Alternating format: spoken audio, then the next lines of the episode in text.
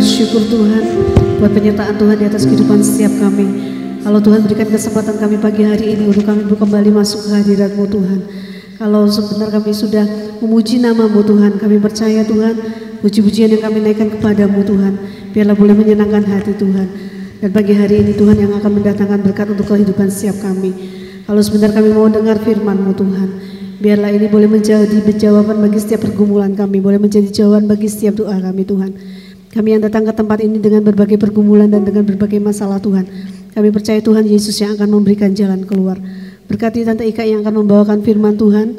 Bilang kau akan urapi dia pagi hari ini dengan kuasamu. Biarlah apa yang disampaikan boleh menjadi berkat bagi kehidupan setiap kami. Di dalam nama Yesus kami siap mendengar firman-Mu. Haleluya. Amin. Amin. Puji nama Tuhan silakan duduk. Ya puji nama Tuhan, satu pujian yang indah yang akan juga eh, mendukung firman Tuhan pada kesempatan pagi hari ini.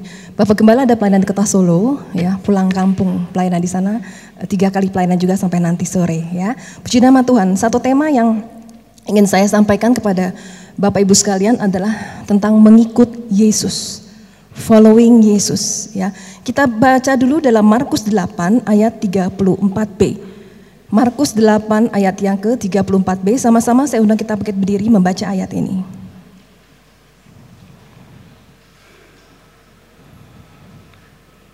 Satu, dua, tiga.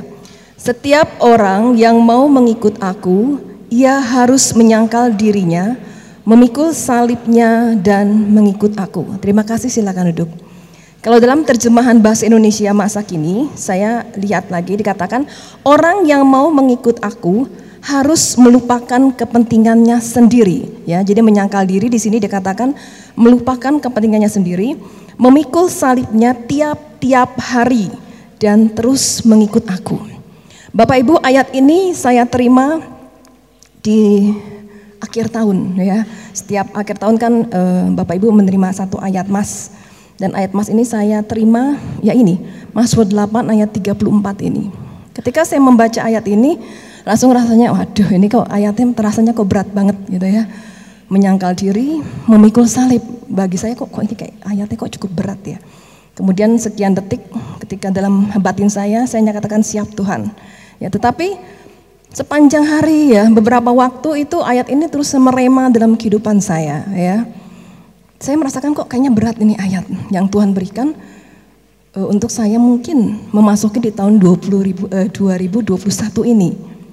Ya, kemudian saya hanya berpikir Tuhan, mengikut Tuhan, saya sudah ngikut Tuhan sejak kecil. Kok ditanya lagi, malah diminta lagi, diingatkan lagi, mengikut aku harus seperti ini. Ya, kemudian di hari Minggunya di ibadah umum muncullah pujian ini kalau nggak salah WA-nya itu Mas Chandra. Ya, pujian ini dikatakan Tuhan kau sempurna. Nah, pujian ini bait demi bait kata-katanya ini menguatkan saya akan ayat yang tadi saya rasa kok ini kok berat nih ayatnya Tuhan ya. Lalu dikatakan dalam pujian ini dikatakan Tuhan kau sempurna dalam rencanamu dan uh, slide-nya bisa ditampilkan. Dalam rencanamu dan karyamu. Ya dikatakan bahwa rancangan Tuhan itu yang sempurna. Dikatakan ayo serahkan hidupmu, murnikan hidupmu dengan roh Tuhan. Ini menguatkan saya. Ya Tuhan ingin mungkin saya menyerahkan kehidupan saya supaya roh saya dimurnikan. Di bait kedua di refnya dikatakan hidupku menggenapi firmanmu. Itu yang Tuhan inginkan dalam setiap kehidupan kita. Saya rasa bukan buat saya saja tetapi buat kita semua. Bahwa kehidupan kita dikatakan harus menggenapi firman Tuhan. Kalau firman Tuhan suruh saya mengikut aku, menyangkal diri, memikul salib. Saya harus menggenapi firman Tuhan ini. Tapi jangan khawatir. Nah ini yang menjadi kekuatan saya. Ada tanda mujizat yang sertai tiap langkahku. Ya jadi ketika rasanya kok berat, jangan takut. Ada Tuhan yang menyertai kehidupan saya. Ada tanda mujizat yang Tuhan akan sertai ketika mungkin rasanya saya mungkin suatu saat nanti akan mengalami kelemahan. Kau bersamaku di dalamku jadi bukti kebesaranmu. Dikatakan Jangan takut bahwa Tuhan menyertai saya, ada bersama saya, ada di dalam saya. Nah, pujian ini betul-betul menjadi kekuatan bagi saya ketika saya menerima ayat dalam Markus 8 ayat 34 tadi, ya. Bapak Ibu, ketika kita mengambil satu keputusan namanya dalam kehidupan di dunia, pasti harus mengambilkan satu keputusan ya. Contohnya, hari ini Bapak Ibu beribadah di gereja. Itu satu keputusan yang harus Bapak Ibu ambil. Kira-kira mau tinggal di rumah atau mau ibadah ke gereja. Ketika kita memutuskan untuk kita berangkat ke gereja, maka ada langkah yang harus dilakukan. Ngapain? Ya bangunnya harus pagi, mandi, siap-siap berangkat ke gereja. Tetapi ketika kita mengambil keputusan mau ke gereja, lalu Bapak Ibu pikir, udahlah tidur-tidur saja, maka keputusan itu nggak bisa dijalani. Apa yang kita uh, sudah putuskan untuk berangkat ke gereja, maka tidak mungkin terjadi. Kalau kita hanya diam-diam di rumah, tidur. Contoh lain, Bapak Ibu ketika saya berpacaran dengan Om Agus, saya tahu Om Agus seorang hamba Tuhan. Berarti saya harus mengikuti dia menjadi istri seorang hamba Tuhan. Terus katakan, ah nggak terlalu sulit lah ya, karena saya terbiasa melayani di gereja. Sejak remaja, pemuda gitu ya, saya aktif dalam pelayanan. Hamba Tuhan kan hidupnya melayani, saya pikir itu gampang karena saya sudah terbiasa melayani nggak masalah. Ya, lalu saya mengambil keputusan menjadi istri seorang hamba Tuhan.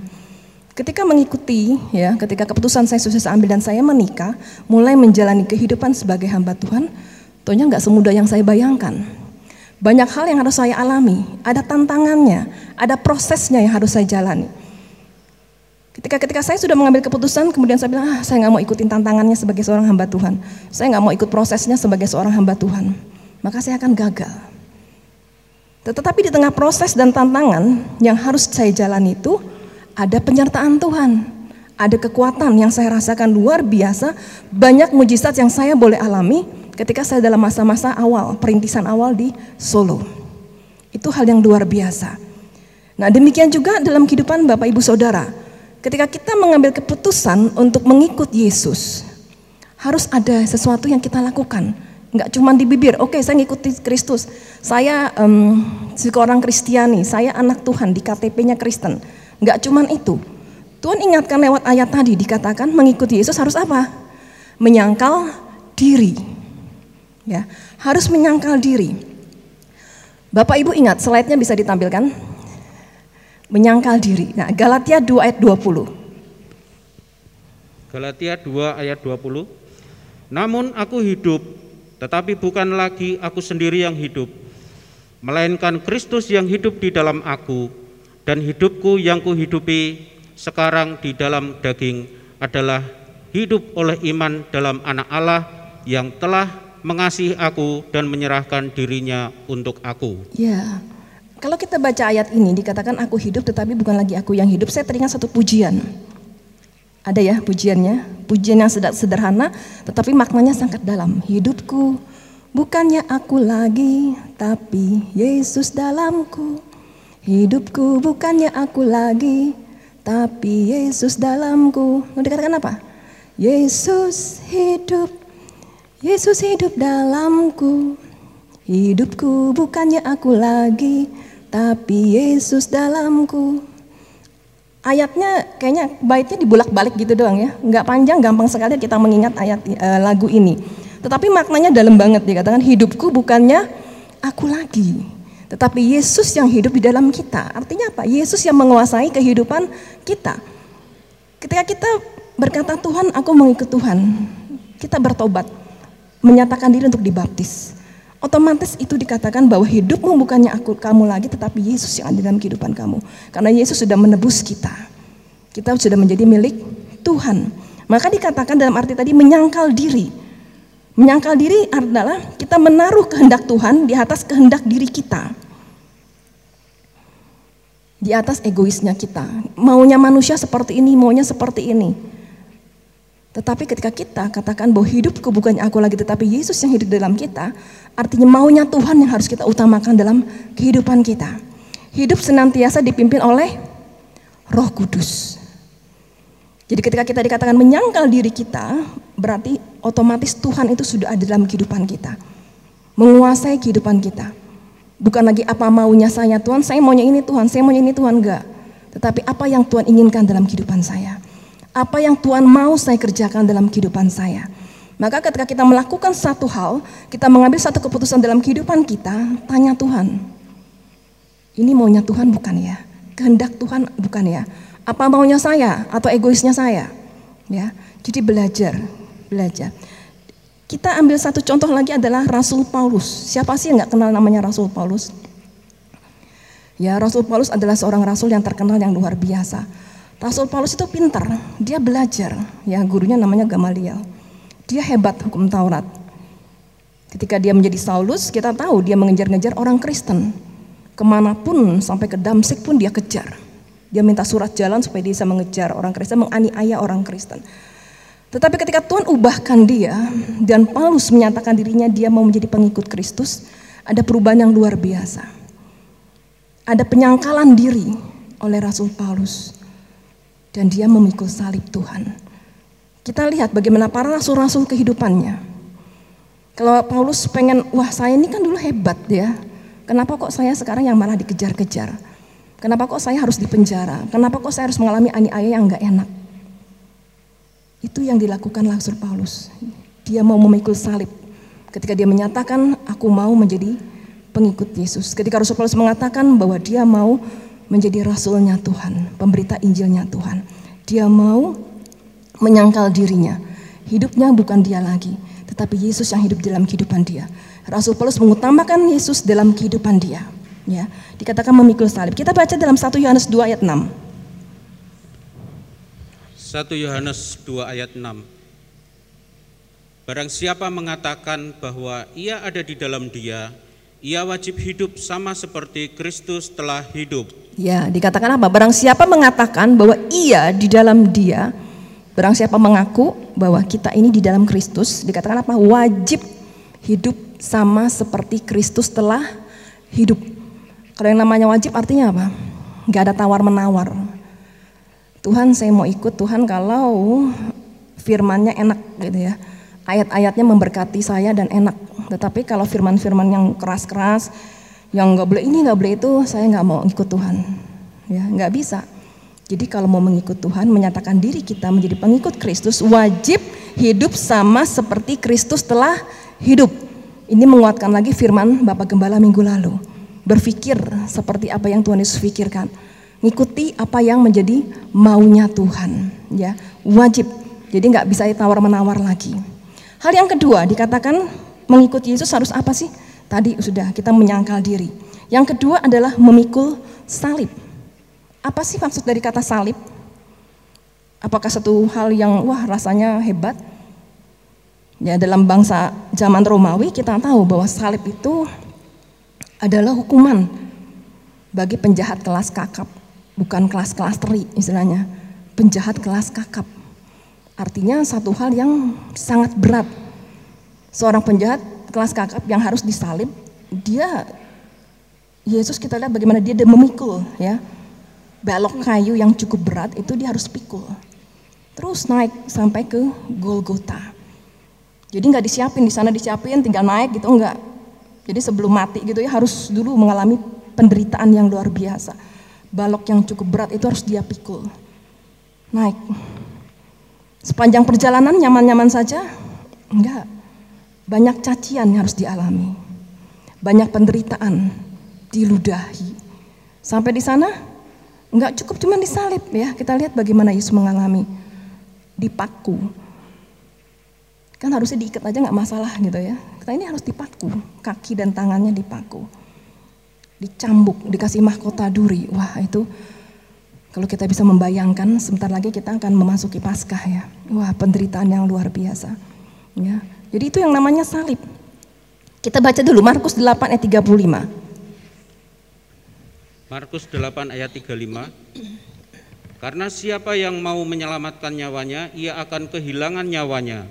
Tetapi barang siapa kehilangan nyawanya karena aku dan karena Injil, ia akan menyelamatkannya. Ya, kita melihat lagi peristiwa-peristiwa yang dialami oleh murid-murid Yesus, ya.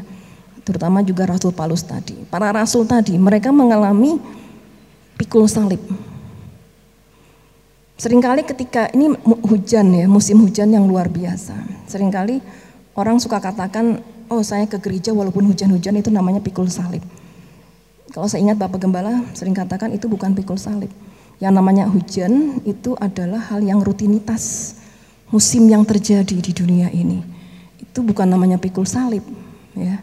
Tetapi memang kita harus tetap melangkah, ya, berani menghadapi walaupun cuma hujan.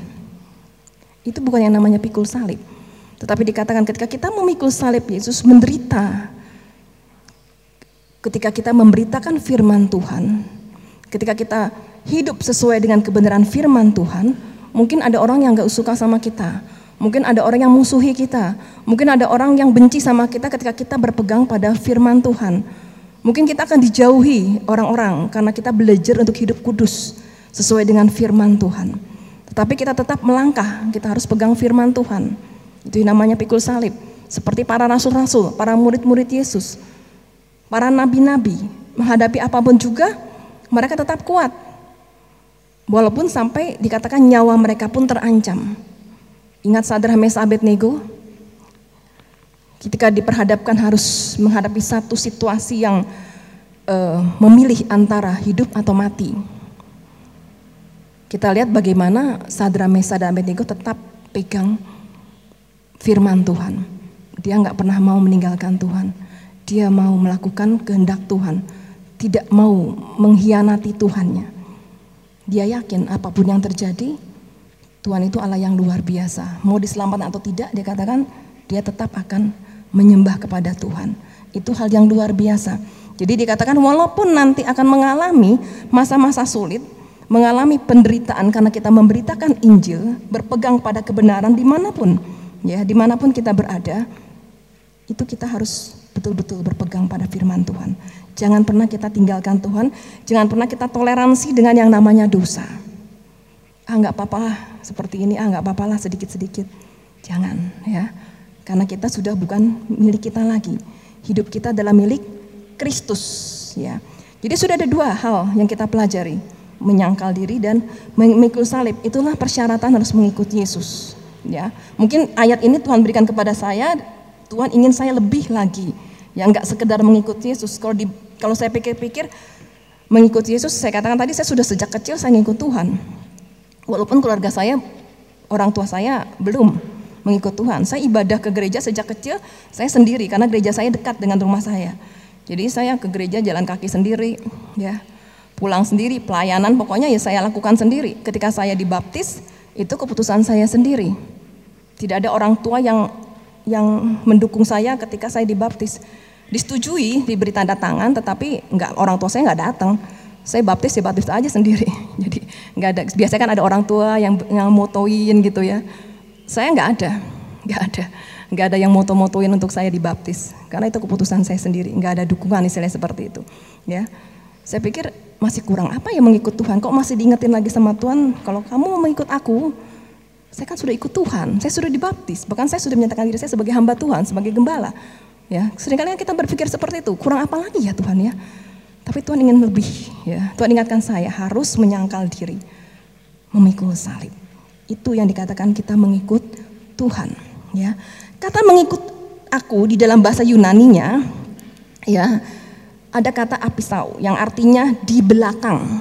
Namanya pengikut itu di depan apa di belakang? Di belakang, ya.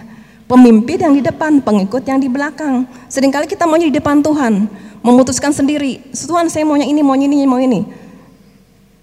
Itu artinya bukan kita pengikut Tuhan, ya. Itu kita yang mimpin, kita yang ngatur Tuhan. Tuhan saya mau seperti ini, saya mau seperti ini, saya mau seperti ini. Saya maunya instan Tuhan, nggak mau proses-proses. Itu bukannya artinya kita dipimpin Tuhan, bukan mengikut Tuhan. Yang namanya pengikut dikatakan tadi adalah di belakang, ngikuti. Tuhan suruh ke kanan, ya kita di belakang ikuti ke kanan. Tuhan belok ke kiri, kita ikutin belok ke kiri. Tuhan suruh lurus, kita ikuti lurus. Jadi bukan mau maunya kita jalan. Ya, jadi artinya mengikut tadi dikatakan adalah kita berjalan di belakangnya Tuhan. Ikuti apa maunya Tuhan. Jadi saya katakan tadi kalau kita ingin sesuatu, memutuskan sesuatu, tanya Tuhan dulu, Tuhan, ini betul nggak Tuhan? Sesuai nggak dengan rancangan Tuhan? Sesuai nggak dengan kehendak Tuhan? Ketika saya memilih Om Agus sebagai pasangan hidup saya, saya tanya Tuhan. Saya berdoa, sudah tahu ceritanya ya, perjalanan kehidupan kami. Ya, saya tanya Tuhan dulu, betul-betul saya tanya Tuhan.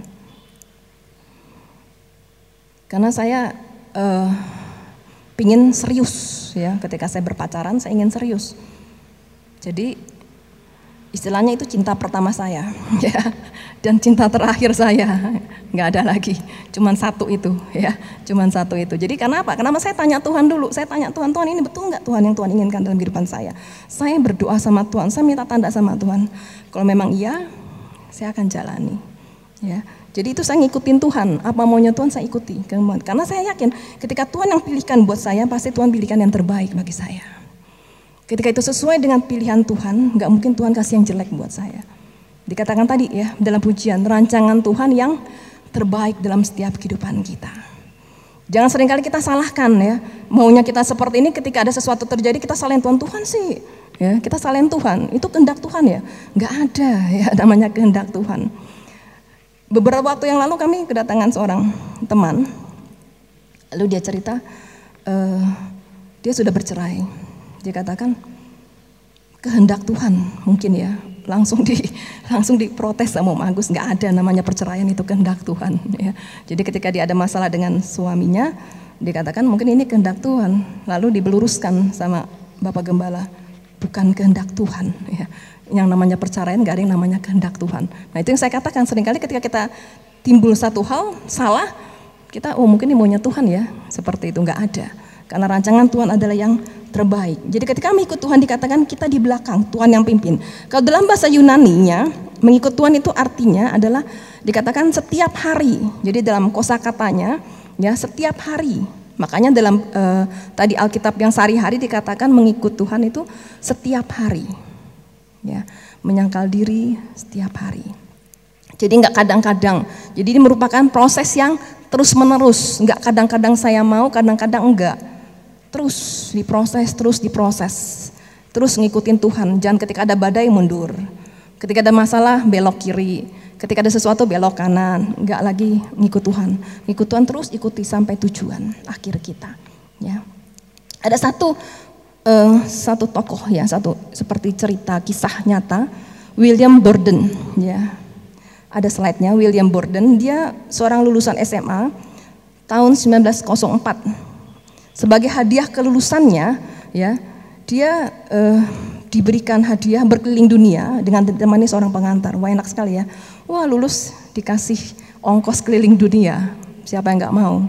Ya. Tetapi ada satu hal yang di, di uh, apa, dititipkan kepada anak ini oleh bapaknya, diberikan sebuah Alkitab.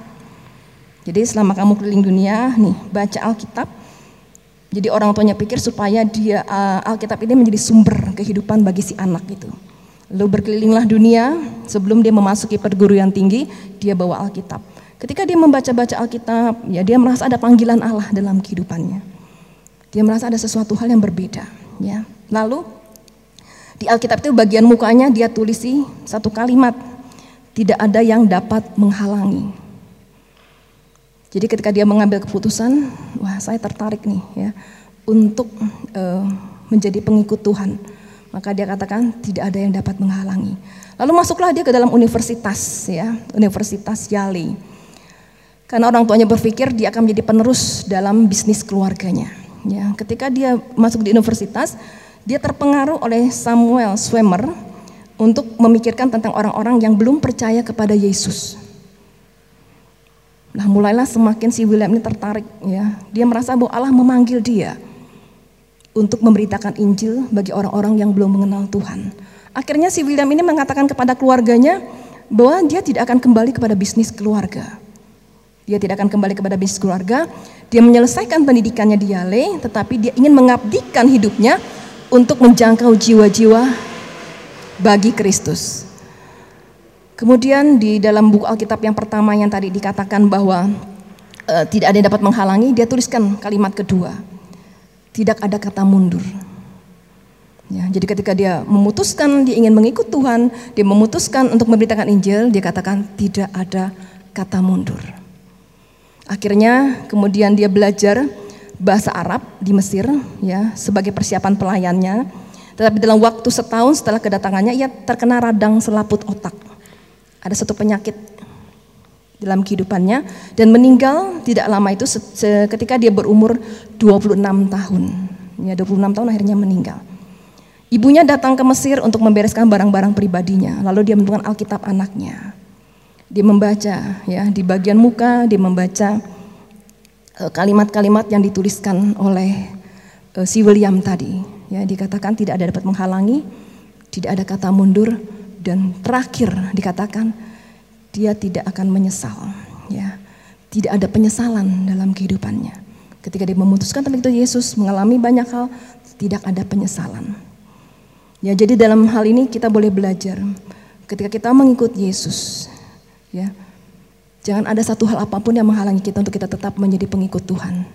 Hal yang kedua, jangan pernah mundur. Banyak hal membuat kita sering kali mundur menjadi pengikut Tuhan. Banyak orang kabur menjadi pengikut Tuhan. Jangan pernah mundur. Yang ketiga, kita nggak akan pernah menyesal. Ya, ketika kita mengikut Tuhan. Walaupun mungkin proses-proses yang Tuhan berikan dalam kehidupan kita nggak gampang. Mungkin proses-proses yang kita alami berat. Jangan khawatir, jangan pernah menyesal karena pujian yang tadi kita dengarkan apa? Ada penyertaan Tuhan setiap hari. Ada mujizat Tuhan yang akan menyertai setiap langkah kita. Langkahnya siapa? Langkah yang orang mengikut Tuhan dengan sungguh-sungguh. Bukan langkah orang ikut Tuhannya kadang-kadang mau, kadang-kadang enggak. Ya, Jadi yang ikut Tuhan sungguh-sungguh ada mujizat yang akan terjadi. Mas Matius 10 ayat 38. Matius 10 ayat 38 39. Barang siapa tidak memikul salibnya dan mengikut aku, ia tidak layak bagiku. Barang siapa mempertahankan nyawanya, ia akan kehilangan nyawanya. Dan barang siapa kehilangan nyawanya karena aku, ia akan memperolehnya. Iya, dikatakan barang siapa tidak memikul salibnya dan mengikut aku, ia tidak layak bagiku. Tuhan ingin totalitas dalam kehidupan kita. Kalau kita mengikut Tuhan, kita ada di belakangnya Tuhan. Tuhan yang nomor satu. Ketika kita mengikut Tuhan, maka kita harus menyangkal diri, harus memikul salib. Itu hukumnya wajib. Kalau enggak ya jangan, percuma, sia-sia, ya. Enggak usah, ya. Jadi kalau memang mengikut Tuhan, betul-betul kita ikut Tuhan dengan sungguh-sungguh secara totalitas seluruh hidup kita, seluruh kehidupan kita kita ikut Tuhan. Apa maunya Tuhan kita ikuti? Rancangan Tuhan yang terbaik dalam segala kehidupan kita. Bila firman Tuhan pagi pada hari ini mengingatkan kita, kembali kita mengoreksi pribadi kita masing-masing. Selama ini bagaimana cara kita ngikut Tuhan?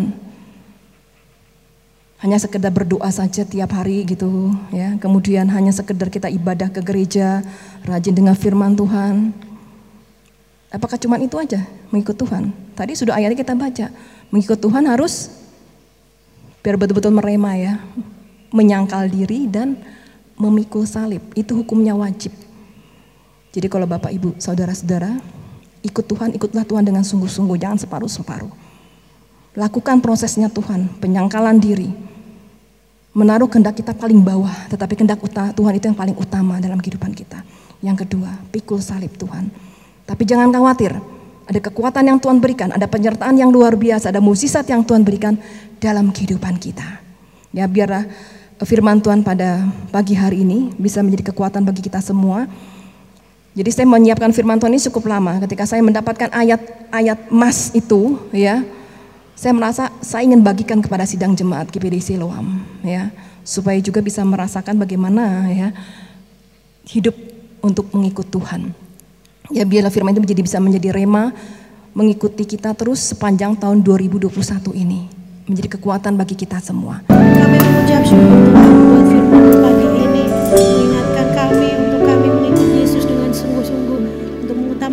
kehendak Tuhan dalam kehidupan kami, bukan kehendak kami yang terdepan. Ajar kami Tuhan, ajar kami untuk kami boleh menjadi pelaku firman-Mu dalam kehidupan kami. Berdoa untuk Tante Ika yang sudah memberitakan firman-Mu, biar Tuhan memberkati dalam kehidupannya, rumah tangga, kesehatan maupun pelayanannya. Terima kasih Tuhan, terima kasih Allahku. Biarlah firman ini boleh menjadi rema dalam kehidupan kami sehari-hari. Kami sudah berdoa mengucap syukur hanya dalam nama Tuhan Yesus Kristus. Haleluya. Amin.